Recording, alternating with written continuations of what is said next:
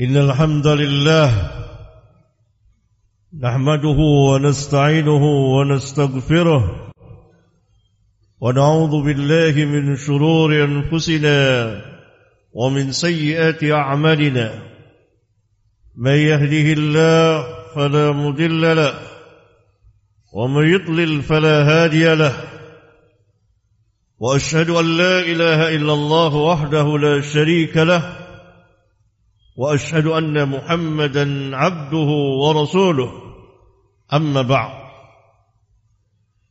جماعة صلاه jumat yang berbahagia di dalam hidayah dan rahmat Allah jalla dzikruhu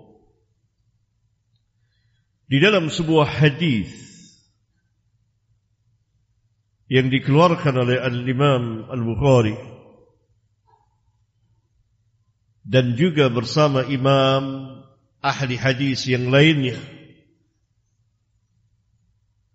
Terdapat kisah atau kejadian yang sangat menarik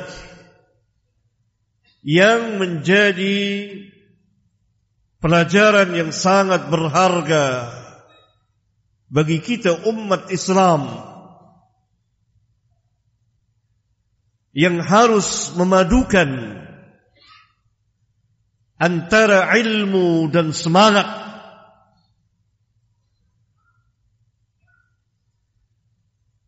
Ketika Rasulullah sallallahu alaihi wasallam sedang salat berjamaah mengimami para sahabat tiba-tiba masuk ke dalam masjid seorang sahabat yang bernama Abu Bakrah bukan Abu Bakrin Abu Bakrah. Dia masuk datang ke masjid dengan tergesa-gesa cepat-cepat dan napasnya terengah-engah. Lalu dia ruku sebelum sampai ke saf Kemudian dia berjalan ke saf. Perbuatan dia menimbulkan suara yang berisik. Jalannya yang cepat, nafasnya yang terengah-engah sehingga Nabi yang mulia sallallahu alaihi wasallam mendengar suara berisik itu. Selesai salat, Nabi sallallahu alaihi wasallam bertanya, "Siapa? Siapa yang tadi berjalan dengan tergesa-gesa?"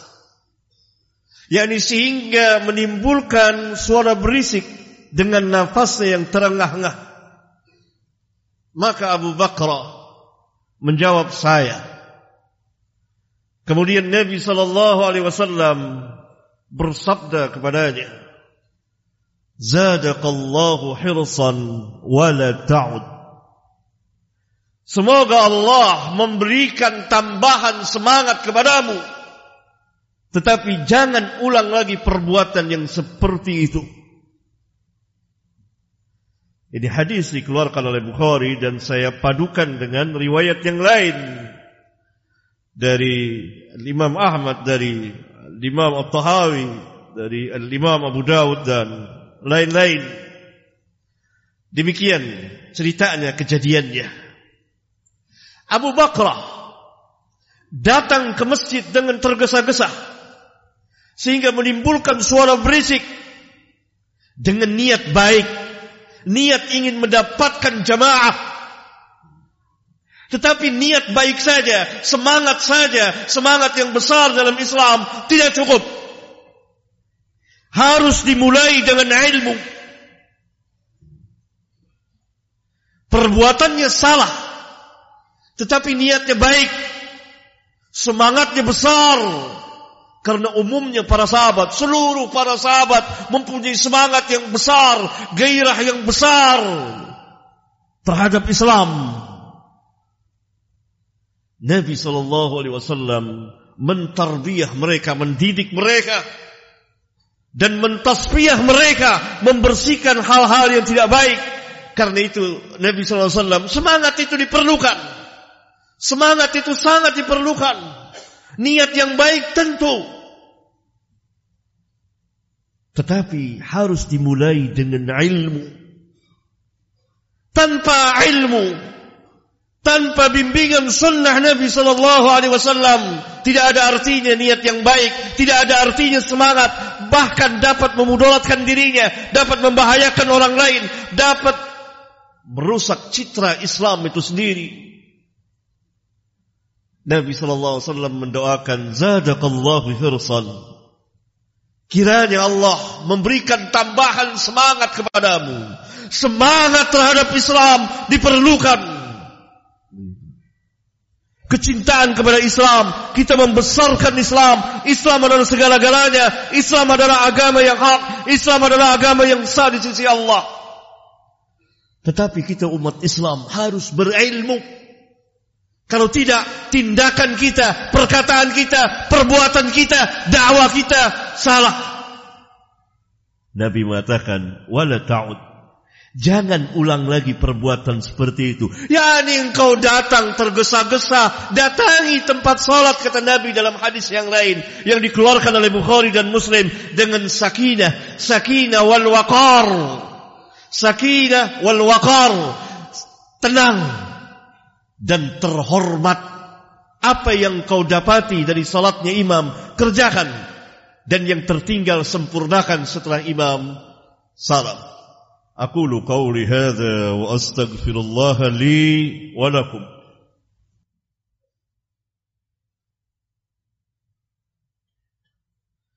الحمد لله حمدا كثيرا طيبا مباركا فيه كما يحب ربنا ويرضى. وصلى الله وسلم على النبي الرحمة. وعلى آله وأصحابه ومن تبعهم بإحسان الله يوم الدين وبعد جماعة صلاة جمعة yang saya muliakan dari kejadian itu kita tahu dan kita dapat mengambil ibrah pelajaran Sebagaimana Rabbul Alamin berfirman, "Fa'tabiru ya ulil absar." Ambillah ibrah wahai orang-orang yang mempunyai pandangan bahwa Islam mengasaskan mendasari segala sesuatunya dengan ilmu dan ilmu adalah merupakan kekuatan Islam terbesar bahkan para ulama membuat kaidah ilmu sebelum beramal dan berkata-kata. Maka kaum muslimin apabila mereka ingin jaya, apabila mereka ingin menang, apabila mereka ingin hidup terhormat, maka mereka harus berilmu, mereka harus belajar, mereka harus paham tentang agama, baik untuk dirinya dan keluarganya. Karena Rabbul Azza wa Jalla mengatakan ku anfusakum wa ahlikum nara.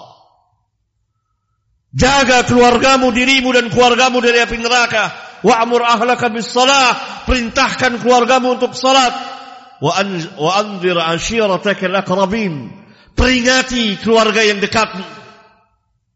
Beri peringatan kepada keluarga yang dekat. Kata Nabi sallallahu alaihi wasallam dalam hadis sahih riwayat Bukhari dan Muslim war rajulu ra'in fi ahlihi wa huwa mas'ulun an ra'iyatihi. Seorang suami, seorang bapa pemimpin di rumah tangganya dan dia nanti akan ditanya tentang kepemimpinannya ilmu ikhwan. Ilmu. Ini kekuatan Islam yang besar.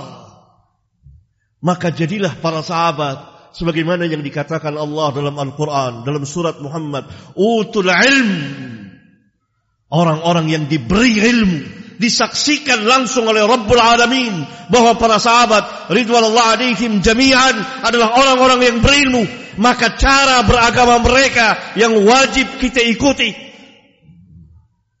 kalau tidak, maka kita akan terombang ambing di dalam kesesatan.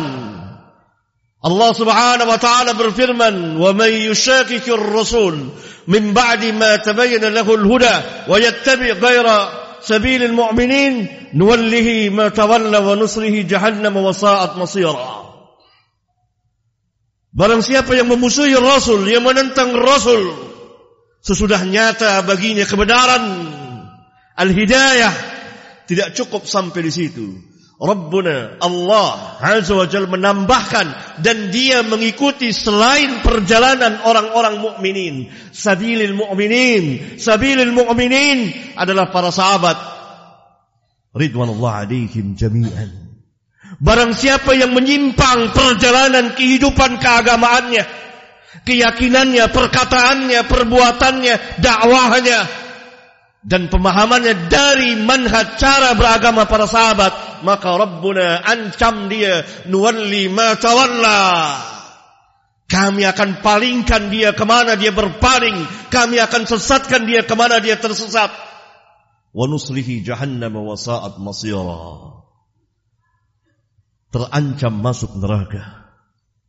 Semoga khutbah saya ini bermanfaat bagi khatib dan jamaah sekalian.